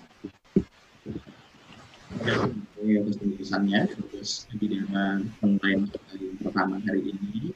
Berikutnya kita memasuki sesi tanya jawab kembali. Saya akan sedikit yang berikut di sesi tanya jawab abidana online pagi ini.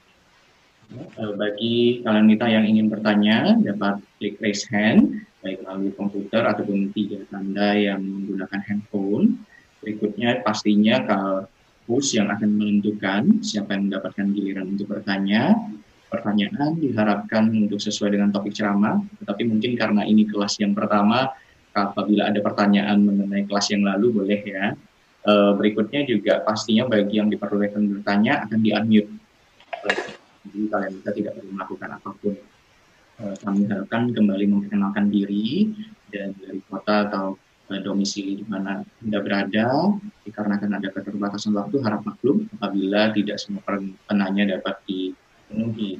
Agar memberikan kesempatan kepada semua kalian mitra yang lain juga, kami harapkan masing-masing penanya hanya mengajukan pertanyaan tidak dulu. Kami persilahkan mungkin kepada saudara Mulyadi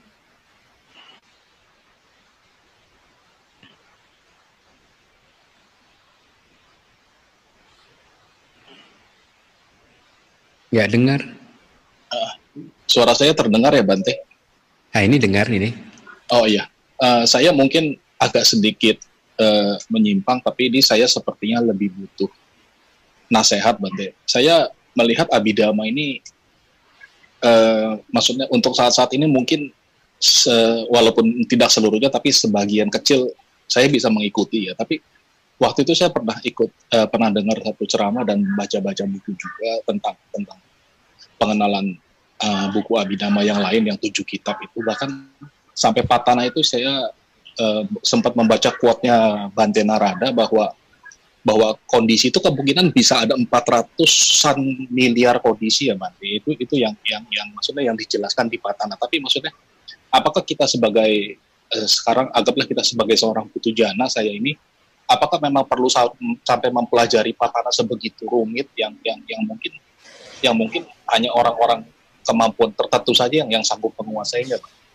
Hmm. Terima kasih, Bante. Mohon pencerahannya.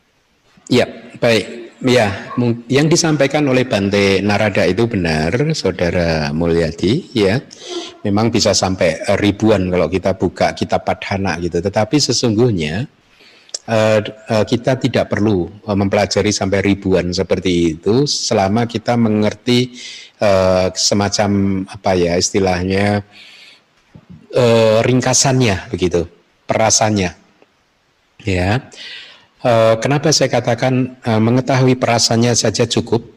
Ya, karena mengetahui perasannya itu uh, ini pendapat saya pribadi. Cukup untuk bisa menjadi peta ketika kita bermeditasi itu ya. Jadi dari pengalaman uh, saya uh, semua yang nanti akan kita ajarkan sesuai kitab uh, komentar ini ya. Dan saya sudah uh, uh, membuka uh, pembahasan padhana di uh, Wibawinidika kemudian di uh, apa uh, Salini uh, itu ternyata uh, ya yang akan saya sampaikan di kelas-kelas ini. Artinya ini hanya dalam bentuknya yang concise gitu, yang ringkasnya begitu. Tetapi jangan khawatir, jangan berkecil hati juga ya. Meskipun ini concise, tapi inilah sesungguhnya juga cukup mewakili sebagai peta spiritual ya. Artinya ini cukup bisa menjadi pembimbing kita ketika kita bermeditasi ya jadi ketika kita mengamati nama dan rupa, ya, ketika kita mengamati wedana, katakanlah, kemudian ketika kita melihat bagaimana uh, tanha ini muncul dan bagaimana tanha ini menjadi semakin kuat, jadi tidak bisa dilepas lagi, ya, artinya tidak bisa dilepas lagi itu kita membutuhkan sedikit wirya, ya, untuk melepaskannya, begitu, uh, untuk bisa menghalonya, yaitu yang itulah yang disebut upadana, gitu. Eh, pengetahuan-pengetahuan yang disampaikan di sini itu saya rasa uh, cukup untuk memberi atau membantu kita memberi petunjuk kepada kita tentang apa dan bagaimana yang harus uh, kita lakukan ya. Pengetahuan-pengetahuan yang kita pelajari yang kita ajarkan di kelas ini ya ini bukan dari saya. Sekali lagi ini bukan ajaran saya ya. Saya ini hanyalah penerjemah saja menerjemahkan saja eh, kitab-kitab. Uh, ya saya tidak memiliki kemampuan untuk mem mengajarkan ajaran saya sendiri tidak memiliki kemampuan itu. Dan saya tidak mau juga. Ya makanya ini adalah ajaran dari para guru atakata, ajaran dari Buddha, ajaran dari para guru atakata yang cukup memberi informasi kepada kita bagaimana eh, apa itu katakanlah eh, sakaya didik, apa itu adalah pandangan salah gitu ketika kita bermeditasi. Nah, pariyati itu penting sekali, ilmu itu penting sekali gitu ya. Eh, saya sering eh, menghadapi atau dikonfrontir begitu ya dengan orang-orang yang mengatakan nggak usah belajar gitu. Ilmu itu tidak penting begitu. Eh, langsung praktek saja langsung praktek meditasi. Walaupun itu mungkin tidak sepenuhnya salah tapi juga tidak sepenuhnya benar gitu. Ya kenapa? Ya kita lihat aja dari contoh semua master-master meditasi itu uh, di masa lalunya mereka pernah belajar semua gitu. Dan sistem pendidikan monastik itu juga mementingkan pelajaran juga gitu. Di Myanmar itu semua bante diwajibkan belajar juga. Jadi itu pun sudah cukup untuk me menginikan pada kita bahwa belajar itu perlu. Nah tetapi apalagi kan memang belajar itu kita jadikan ilmu itu kita jadikan sebagai peta, peta spiritual ya. Kalau kita tidak memiliki uh, ilmu ya, maka saya pun juga sudah menyaksikan atau mendengar membaca itu ya bahwa seseorang yang menguasai jana pun masih bisa mempunyai pandangan salah. Meskipun itu adalah katakanlah Bante loh, ya, murid Buddha loh, ya, masih bisa keliru mengartikan pengalaman jana mereka begitu. Uh, ya apalagi praktisi meditatif di luar ajaran Buddha, di luar murid Buddha, mereka juga ada kan yang menguasai jana kan, meskipun ada yang membantah bahwa uh, ajaran di luar Buddha tidak ada jana gitu ya, tapi uh, saya rasa tidak begitu. Tapi walaupun uh, uh, demikian ya, mereka yang di luar sasana ini juga banyak yang menguasai jana, tapi mereka tahu masih mempunyai pandangan salah. Ya, nah kenapa hal ini terjadi? Karena mereka tidak mempunyai pariyati, tidak mempunyai ilmu yang dijadikan sebagai peta spiritual gitu. Ya, oleh karena itulah ilmu itu penting. Tetapi sebanyak mana itu, sebanyak mana itu, saya rasa kalau menurut saya, saya sudah pernah membaca itu yang ribuan uh, kondisionalitas itu ya. Saya sudah pernah membaca gitu. Mungkin mungkin ya mungkin itu perlu atau dikuasai oleh mereka yang menguasai patik sambida nyana itu ya. E, mereka yang mempunyai pengetahuan patik sambida mungkin akan bisa mengelaborasi itu Uh, kecuali Anda memang juga mengarah ke sana, beraspirasi ke sana, mencapai seorang arahat yang disertai oleh catuk peti sambida, mungkin itu perlu gitu ya, uh, dijadikan peta spiritual gitu. Tapi kan tidak semua arahat juga memiliki pati sambida kan, ya. Jadi itu pendapat saya. Jadi tidak sampai harus sejauh itu karena apa yang sudah nanti juga akan kita sampaikan di kelas-kelas di sini itu menurut saya hmm, itu sudah cukup sih, sudah cukup sih uh, untuk menjadi pegangan kita di dalam bermeditasi. Kenapa saya berpendapat seperti itu? Karena uh, mungkin Anda satu atau mungkin banyak dari Anda yang sudah mulai bisa uh, mengikuti ceramah-ceramah seado-seado dari Myanmar kan? Ya uh, ada orang yang menyampaikan kepada saya uh, berterima kasih lah intinya ya. Uh, setelah belajar abidama ini dia bisa mendengarkan ceramah seado-seado itu dengan dengan nyaman begitu ya. Nah ini pun uh, membuktikan bahwa uh, yang disampaikan itu adalah inline dengan tradisi uh, terawada pada umumnya gitu. Jadi itu pendapat pribadi saya. Kalau yang anda beraspirasi ingin menjadi seorang arahat yang memiliki patik sambida mungkin ya bisa dibaca, dikuasai dan dijadikan peta spiritual Ya memang kan penembusan penembusan dhamma itu memang tergantung pada tingkat kebijaksanaannya kan? Ada yang menembus uh, sampai uh, dasar yang uh, sebagai syarat untuk merealisasi anicca dukkha dan anatta ada yang lebih dalam lagi ada yang lebih dalam lagi gitu. Di, di murid Buddha pun ketika pada zaman itu pun ya itu kan juga bermacam-macam kan? Yang dikenal paling mempunyai banyak pengetahuan dan bijaksana itu kan yang Arya Sariputa kan? Ya sementara arahat-arahat yang lain tidak seperti yang Arya Sariputa gitu. Jadi demikian saya rasa. Jadi jangan berkecil hati kalau menurut saya eh, apa tidak untuk bisa mencapai nibana tidak perlu sampai uh, yang ribuan itu tadi, tetapi pengetahuan dasar tentang peta spiritual tetap penting. Ya, ya dasarnya enggak apa yang menurut saya yang nanti akan terus saya sampaikan itu itu harusnya menjadi pengetahuan dasarnya. Gitu. Demikian dari saya, semoga bermanfaat. Terima kasih. Ya, terima kasih banyak Bante atas nasihatnya. Terima kasih. Iya.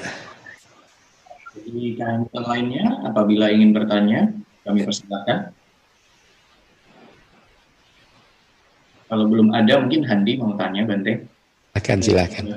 Lama, jadi agak banyak yang lupa. Terutama tadi di bagian terakhir, Bante mengenai uh, salah satu faktor uh, tujuh atau delapan cara upadana ini yang bisa dilakukan uh, apa yang bisa ini ya uh, sorry ada tujuh delapan cara itu di mana upanisaya pacaya itu tidak akan pernah bisa menjadi sahajata itu uh, seperti apa ya Bante? Oke, okay. ya mungkin saya jelaskan aja. Uh, tadi yang pertama tujuh atau delapan cara begini, saya jelaskan ya. Satu persatu aja saya jelaskan semuanya. Tanha pacaya upadana. Ketika tanha menjadi kondisi untuk kemunculan upadana, tetapi menjadi kondisi dalam hubungan kausalitas yang pertama tadi sahak jatak pacaya kan, ya. Sahak jatak pacaya itu adalah uh, sahak itu bersama, jatak itu dilahirkan, ya.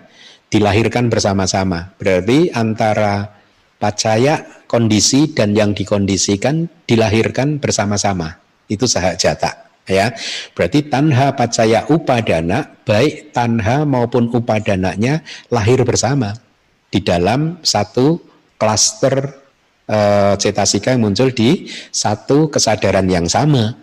Karena tanha itu muncul di kesadaran yang berakar pada keserakahan, maka tanha pacaya upadana yang relasi atau hubungan kausalitasnya adalah sahak jatak PCA atau dilahirkan bersama, maka tanha dan upadana harus sama-sama muncul di dalam loba mula cita tadi. Katakanlah loba mula cita yang pertama atau kesadaran yang berakar pada keserakahan yang pertama. So manasa saha gatang, didik kata sambayutang, sangkarika mekang dan seterusnya. Itu yang pertama tadi ya. Berarti tanhanya adalah loba, ya. Kan kita harus harus harus analisis berdasarkan realitas hakikinya. Tanhanya adalah cetasika loba, berarti upadananya di sini tidak boleh loba lagi, ya. Karena loba sudah menjadi pacaya damanya menjadi dama yang menjadi kondisi. Maka pacayu panak damanya atau dama yang kemunculannya tergantung dari kondisi tadi, yang kemunculannya tergantung dari loba tadi, yang menjadi upadana di sini nggak boleh loba lagi, tetapi didiknya, pandangan salahnya. Bisa jadi ini adalah loba mula cita ketika muncul pandangan salah yang berpikir bahwa ah, percumalah berdana begitu ya seperti yang dulu pernah saya temui di Singapura gitu ada umat yang mengatakan begitu nggak nggak perlulah berdana begitu gitu. Kira-kira seperti itu. Itu pandangan salah kan? Ya. Jadi begitu. Itu saha jatak pacaya. Berarti tanha pacaya ditu padana itu bisa saha jatak pacaya.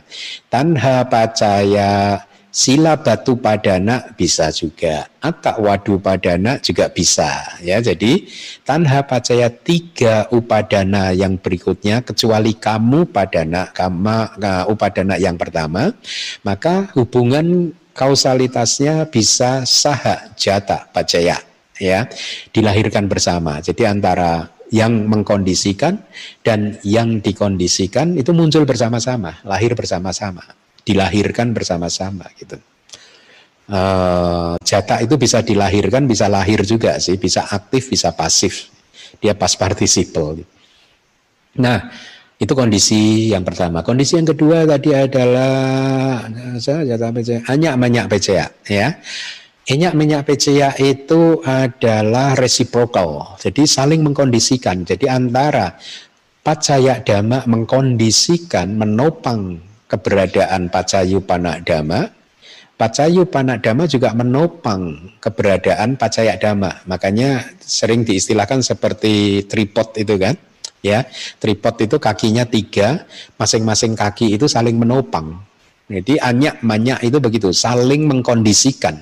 Jadi di sini tanha mengkondisikan upadana, upadana juga mengkondisikan eh, apa eh, tanha itu ya. Nah berarti ya eh, dia juga dilahirkan bersama atau lahir bersama-sama juga.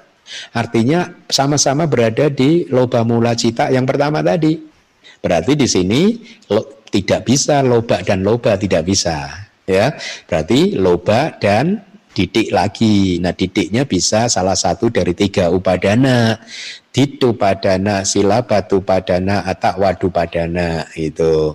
Kemudian yang berikutnya tadi apa saha jata pecayanya menyak pecaya nisaya pecaya. Ya, yang ketiga adalah nisaya pecaya. Dalam nisaya pecaya ini eh, tanha itu menjadi dukungan untuk kemunculan uh, uh, upadana ya. Nah, dalam konteks ini antara uh, pacaya dhamma dan pacayu panadama antara tanha dan upadana tidak harus ya tidak harus berada dalam uh, satu momen yang sama tidak harus, dia bisa berada dalam satu momen yang sama, tetapi dia bisa juga tidak. Dia bisa juga muncul pada momen yang berbeda. Nah ini maka tanha yang awal bisa menjadi kondisi untuk tanha yang berikutnya. Itu dia di momen yang berikutnya. Ya meskipun bisa juga muncul pada momen yang bersamaan. Ya Kemudian setelah nisaya adalah sajatanya namanya nisaya sampayuta pejaya ya. Dia sampayuta. Sampayuta itu adalah berasosiasi, berarti dia muncul pada momen yang bersamaan. Ya. Jadi antara tanha dan upadananya dilah kayak dilahirkan bersama tadi ya dilahirkan bersama. Berarti di sini antara loba cetasika dan juga didik cetasika. Tidak bisa loba dan loba kan? Ya. Kemudian yang berikutnya setelah sampai yuta aki ya. Aki itu ada eksis gitu. Berarti anta tanhanya harus berarti ini sahak jata juga. Karena harus eksis ya. E, e, pacaya damanya harus ada ya ketika dia mendukung kemunculan upadana maka tanhanya harus ada. Ati artinya ati itu ada kan eksis kan. Berarti dia muncul sahak jata bersama-sama munculnya di dalam loba mula cita yang pertama tadi. Berarti sama ini adalah loba dan didik lagi. Kalau yang nisaya tadi bisa loba dan loba. Yang nisaya tadi kalau nisayanya itu nisaya pejayanya itu uh, pacayu panak damanya muncul berikutnya begitu. Berarti bisa loba dan loba gitu. Tapi kalau muncul bersama-sama tidak bisa loba dan loba. Loba mendukung loba tidak bisa. Loba hanya mendukung didik dalam kasus ini gitu ya. Nah, eh, yang berikutnya setelah ati ya awigata biasanya itu satu paket ya. Sampai kita ati awigata gitu. Awigata itu tanpa kelenyapan tanpa wigata itu disappearance, tanpa kepergian, ya tanpa kelenyapan. Artinya eh, tanha menjadi kondisi untuk mendukung upadana dengan syarat tanhanya nggak lenyap. Sama saja, berarti ini tanhanya sahak jata, lahir bersama-sama juga, sama-sama uh, muncul bersama dengan loba mula cita yang pertama. Berarti ini lagi adalah loba dan uh, titik gitu. Kemudian setelah uh, adi awi kata hetu, hetu ya hetu itu akar. Berarti tanha menjadi kondisi upadana dalam hubungan kausalitas seperti ini. Tanhanya menjadi akarnya. Berarti di sini adalah loba itu menjadi akar. Nah, yang dikondisikan siapa? Karena dia upadana di sini berarti yang dikondisikan upadananya ya didik lagi, pandangan uh, salah lagi. Nah, baru yang ditanyakan oleh Handi tadi upani saya peceya yang terakhir. Upani saya peceya itu dukungan yang sangat kuat dan dia harus hubungan ini antara Pacaya dhamma dan pacayu panak dhamma atau dhamma yang mengkondisikan dan dhamma yang dikondisikan harus berbeda waktu. Nah, ini harus tidak bisa muncul bersama-sama, harus berbeda waktu. Ya, uh, kalau diberi kalau anda masih ingat itu uh, Upanishad Pecaya ini bisa aku salah mengkondisi, menjadi kondisi yang sangat kuat untuk kemunculan kusala jadi tidak harus kusala menjadi kondisi pen dukungan yang sangat kuat untuk kusala, tidak. Aku salah bisa menjadi kondisi dukungan yang sangat kuat untuk kemunculan kusala. Demikian pula sebaliknya. Kusala bisa menjadi dukungan yang sangat kuat untuk kemunculan aku salah. Contohnya bagaimana? Contohnya, kalau di kitab komentar itu aku salah menjadi upanisaya pecaya untuk kusala itu seperti ini. Seseorang yang sudah muak terhadap kejahatan-kejahatan yang dia lakukan, akhirnya dia membuat resolusi tekad memutuskan bahwa saya berhenti melakukan kejahatan dan saya muak dengan semua kejahatan tersebut dan saya ingin menghancurkan semua aku salah tersebut. Dan karena kemuaannya tersebut, dia akhirnya minta ditahbiskan menjadi biku, bermeditasi, dan menjadi arahat.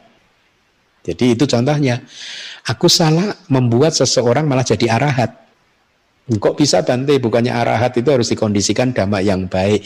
Iya harus dikondisikan oleh dhamma yang baik. Tapi ini kan hubungannya upah nisaya peceya. Ya kondisi dukungan yang sangat kuat. Jadi uh, fakta bahwa dia ingin menjadi biku dan bermeditasi itu karena dia muak dengan kejahatan yang dia lakukan.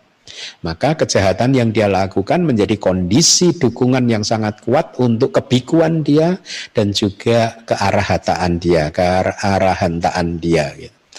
Nah sama juga dibalik juga bisa. Kusala bisa menjadi upani saya PCA untuk aku salah gitu. Ya e, seseorang yang melekati jana, seseorang tadinya mencapai jana itu kusala kan? Ya, e, pada suatu hari kemudian e, dia tidak bisa masuk ke jananya lagi gitu, ya, dan dia sangat melekati jananya tersebut. Kan banyak kan kejadian seseorang yang tadinya menguasai jana, kemudian jananya hilang, karena berbagai hal. Bisa karena pelanggaran para jika, eh, bisa karena karma-karma berat yang lain yang yang akhirnya membuat dia seperti dewa data itu kan melakukan karma berat sehingga akhirnya jana dan apinya hilang. Ada yang karena tidak dirawat, ya. Jadi ada seorang biku misalkan tadinya menguasai jana, sudah berwipasana, tetapi kemudian dia sibuk ini dan sibuk itu yang lain karena ada kesibukan-kesibukan yang lain akhirnya dia jarang merawat ya dia agak melupakan latihannya itu karena adanya kesibukan yang lain. Nah bisa jadi jana yang tadinya sudah dikuasainya itu hilang. Hilang gitu ya. E, atau juga alasan-alasan yang lain. Kalau di kitab suci itu ada cerita begini. Bodhisatta ini bodhisatta ini. Bodhisatta tinggal di pegunungan Himalaya ya.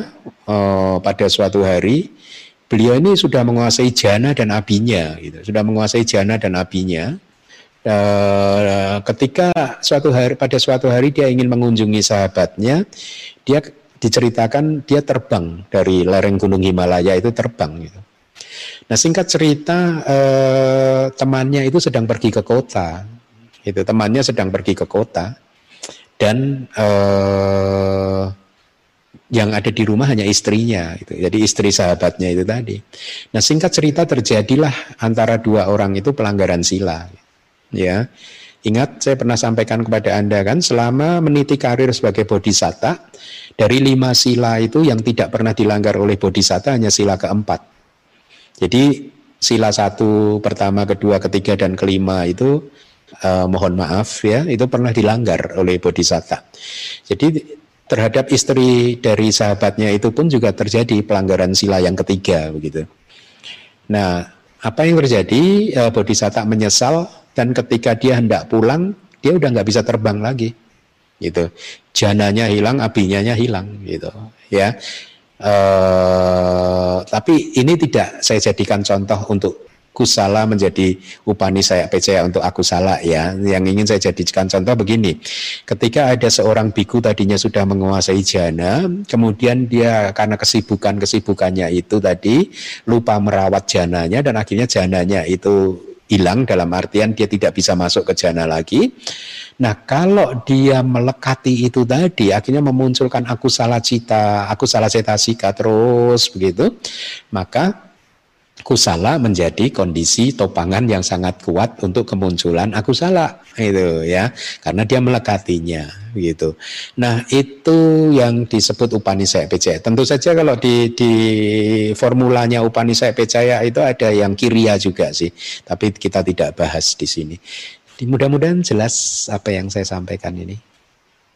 Mas Bante, terima kasih. Sama-sama. Berikutnya, uh, penanya berikutnya kami berikan kesempatan kepada Cidona.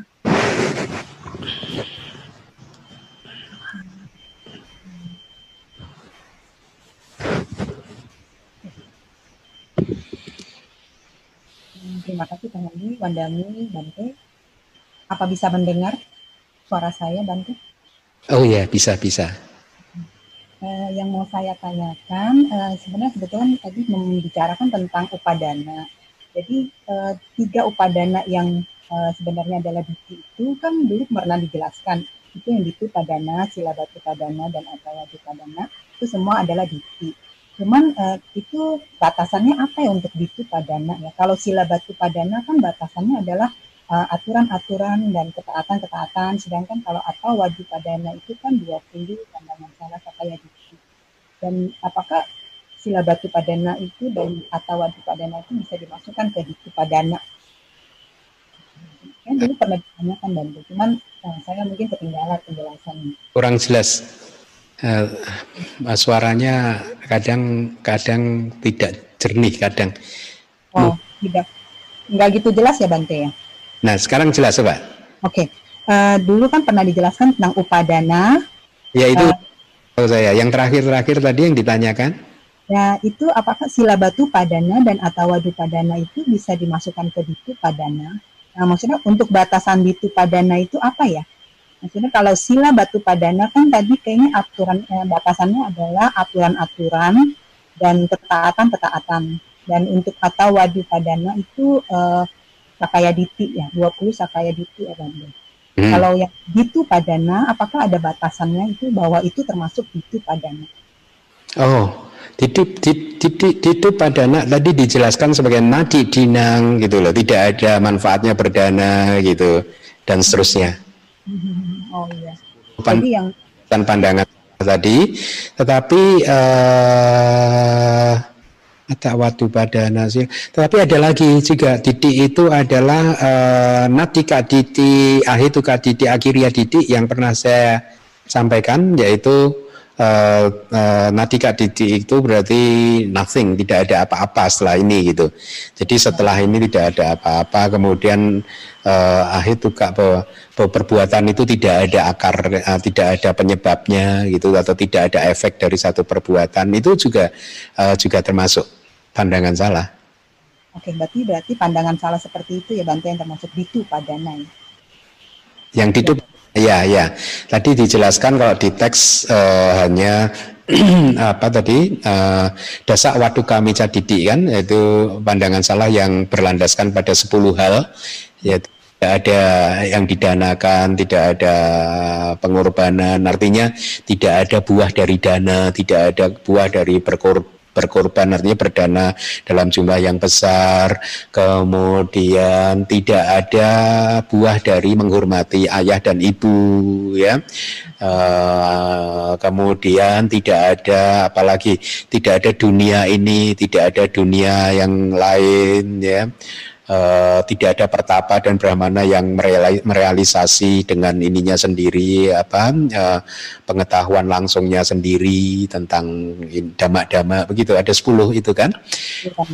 Nah itu itu yang disebutkan di uh, teks tadi tetapi menurut saya ini menurut saya tiga pandangan salah yang sering saya sampaikan di kelas-kelas terdahulu yaitu tidak ada uh, penyebab dari satu perbuatan, tidak efek tidak ada efek dari satu perbuatan, kemudian tidak ada apa-apa uh, amin an, uh, setelah ini nggak ada apa-apa ya. Uh, setelah kehidupan ini nanti ketika seseorang meninggal dunia itu sudah selesai tidak ada apa-apa itu pun juga termasuk seharusnya sih. Okay, okay. Ya. Ya, terima kasih Bante. Baik, demikian. Berikutnya Cialing.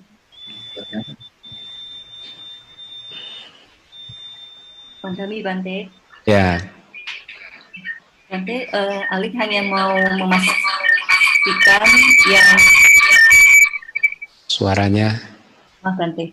Ali hanya mau memastikan yang tadi yang tentang uh, tujuh cara itu kan ada nisaya yang nisaya pacaya yang antara tanha dan uh, yang diti dituk padana dan teman-teman itu Bante. Nah. Halo Bante, apakah dengar Bante? Ya tadi sempat sempat ada kayak gangguan gitu, tapi bisa men Saya nggak dengar Bante jadinya. Hah? Maaf Bante, saya nggak bisa dengar Bante. Oh ya, bisa dengar nggak?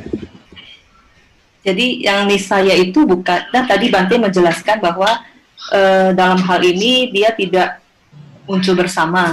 Uh, bukannya kalau nisaya itu bisa sahajatan nisaya ya Bante? Iya, iya, tidak harus tadi saya katakan. Halo, dengar nggak?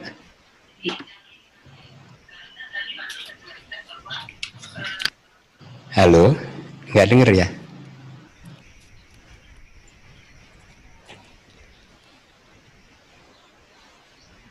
Halo. Iya Bante, maaf Bante, saya susah dengarnya. Oke oke oke. Oke. Eh, saya tadi mengatakan tidak harus ya. Uh, maksudnya tadi Bante mengatakan bahwa di dalam hal ini nih saya dalam nih saya percaya antara tanha dan dituk padana itu uh, tidak muncul bersama gitu loh Bante. Tidak, uh, tidak harus. Artinya bisa dia muncul bersama. Oh ya. Tapi dalam hal ini berarti dia sahajatani saya ya Bante? Uh, kalau muncul bersama sahajatani saya, ya. Oke. Okay. Sahajata percaya. Uh, sahajatani saya percaya. Jadi ini saya sendiri bu. Uh, ya dia sahajata. Uh, Oke, okay. berarti bisa ya Bante ya muncul bersama ya? Sama ya. Oh, baik Bante. Kalau misalnya, soalnya kalau uh, Aling lihat kalau di Nisaya itu kan dia hanya ada sahajata Nisaya sama uh, Purejata Nisaya. Tapi untuk Purejata Nisayanya itu pun uh, hanya waktu Purejata Nisaya sama Wata Aramana Purejata Nisaya Bante. Apa? Waktu Purejata Nisaya yang landasan Bante. Tahu saya. Sama Wata Aramana Purejata Nisaya. Oh ya ya berarti benar. Berarti di sini harus sahak jata ya. Karena nisaya itu yang muncul berbeda hanya puri jata. Benar benar benar. Terima kasih. Ya, ya baik Bante. Kalau upanisaya pasti nggak bisa ya berarti ya Bante ya. Pasti harus berlawanan. Itu pasti dia di momen yang berikutnya. Ya, benar benar benar. Terima kasih. Nisaya itu muncul di momen yang berbeda hanya ketika pure. Ya, betul betul betul. Pure jata pecaya. Oke, terima kasih. Bagus. Terima kasih, Bante. Sadu, sadu.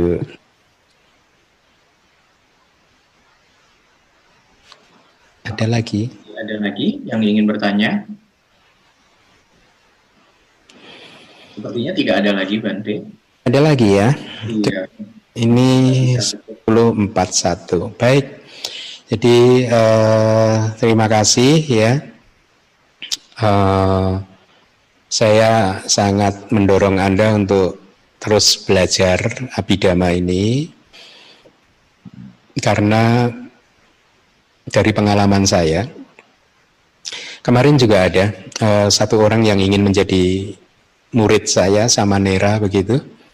Uh, langsung saya beri instruksi untuk uh, berilah prioritas waktu untuk belajar bahasa Pali dan abidama gitu Uh, karena itu itu pun yang saya lakukan di masa lalu itu. Bahwa saya eh, benar-benar memprioritaskan waktu saya ketika dulu menuntut ilmu itu adalah untuk uh, Pali dan Abhidhamma. Walaupun saya bukan berarti saya tidak belajar Suta Winaya dan yang lain ya. Saya tetap belajar tetapi porsinya porsinya itu uh, jauh lebih besar waktu yang saya habiskan untuk belajar bahasa Pali dan Abhidhamma. Jadi kemarin juga saya sampaikan kepada calon samanera itu juga seperti itu.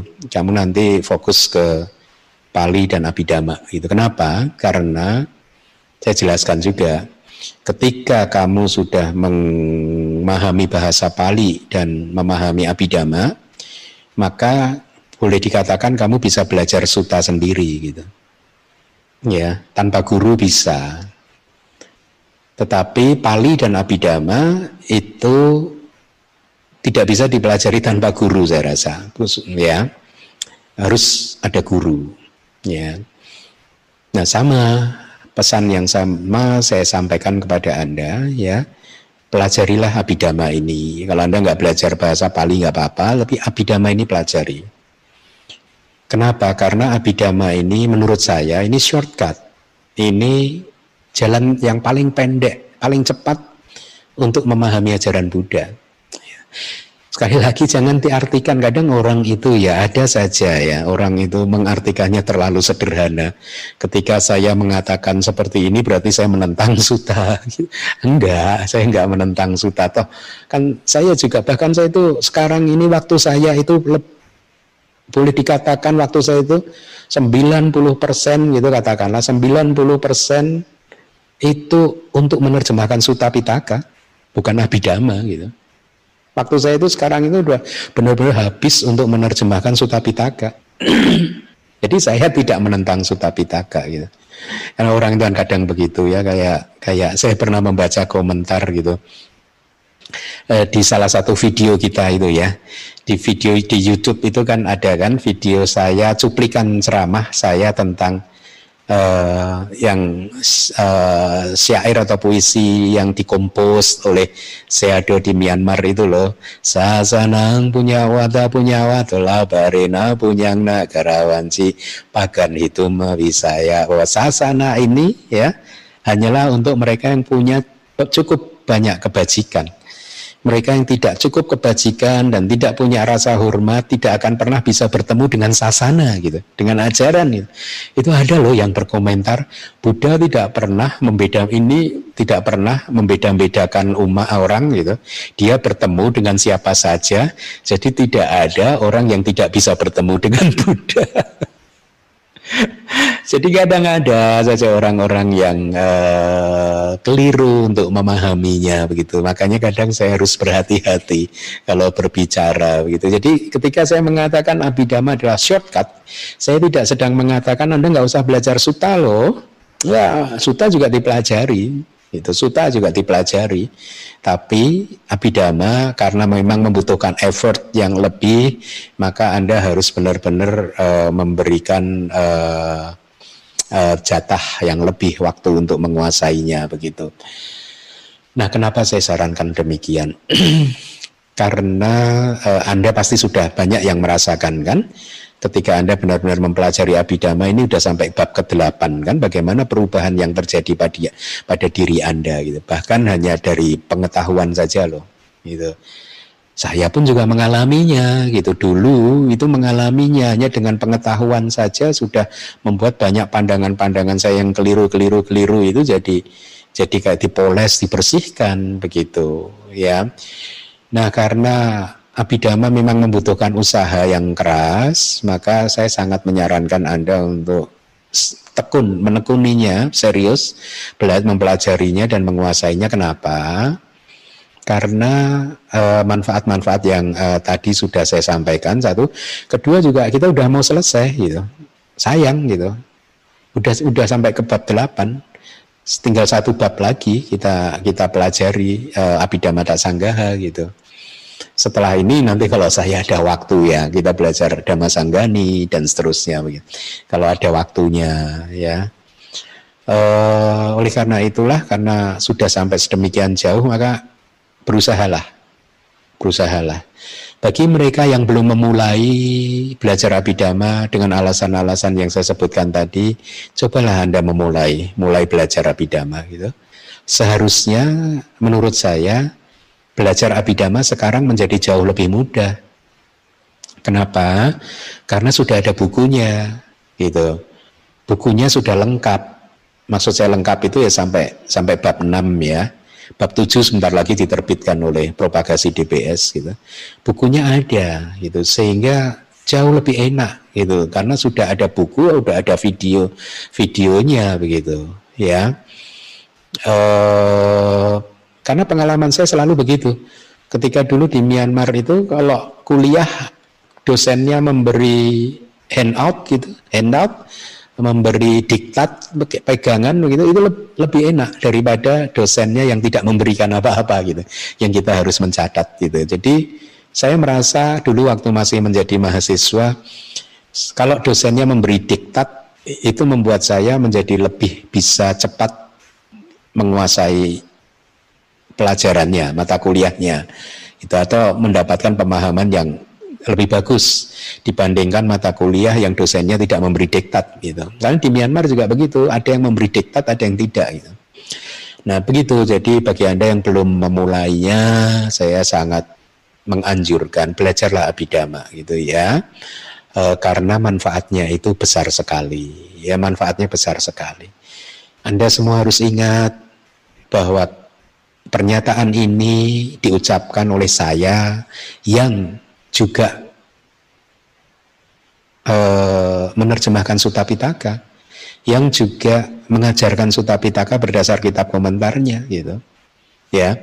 Toh saya mengatakan menganjurkan belajarlah abidama. Tapi sekali lagi jangan disalahartikan, oh Bante Keminda against Sutta Pitaka. No, saya nggak against ya. Karena sesungguhnya itu saling melengkapi. Tetapi kan Anda itu dalam tahap belajar harus ada yang Anda prioritaskan gitu ya.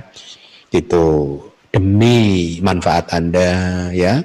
Jadi semoga dengan uh, apa apa yang saya sampaikan ini bisa menginspirasi Anda dan kemudian apa yang sudah Anda pelajari selama ini bisa menjadi kondisi untuk kemunculan jana, maga, pala dan nibana. Semoga semua makhluk berbahagia dan semoga semua makhluk bisa keluar dari samsara secepatnya. Terima kasih. Sadu, sadu, sadu. Terima kasih, Dante. Selanjutnya kita akan melakukan satu lagi kebajikan yaitu dana. Di mana Anda dapat berdana melalui dompet digital uh, dengan scan QRS code yang ada di layar komputer Anda. Uh, barcode QRS ini pun bisa difoto dan di-save oleh kita sehingga bisa melakukan dana di mana pun dan kapan pun Eh, kami ingatkan kembali untuk tidak meninggalkan kelas online ini sebelum Bante meninggalkan kelas. Atas perhatian dan kerjasamanya kami ucapkan terima kasih. Dengan penuh sukacita dan pemahaman yang benar tentang berdana, mari kita siapkan batin kita untuk melakukan kebajikan melalui dana kami.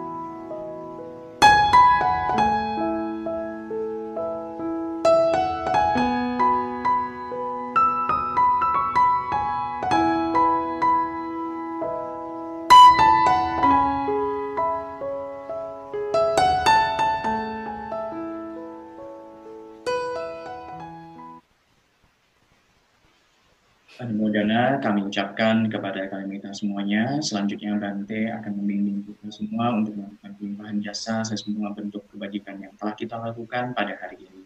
Mari kita semua beranjak. Baik, ikuti saya.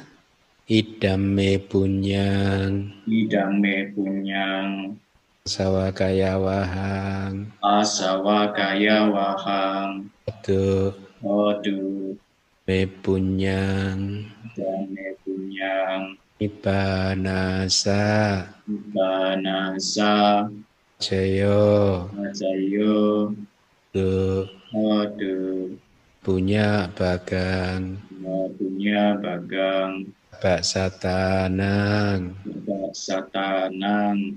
Ajemi Ajemi Esape Esape Esamang Samang. Ya bagang. Ya bagang Bantu Bantu Sadu Sadu Baik, sampai bertemu lagi di kelas Abidama minggu depan. Terima kasih. Terima kasih Bante atas penjelasannya hari ini. Ya. Menjali sambil berucap Mudana Bante. Terima kasih Bante. Terima kasih Bante. Terima kasih Bante. Ya. Terima kasih Bante. Kami Bante. Terima kasih Bante. Pidana online. Para dikeluarin. Terima kasih Bante.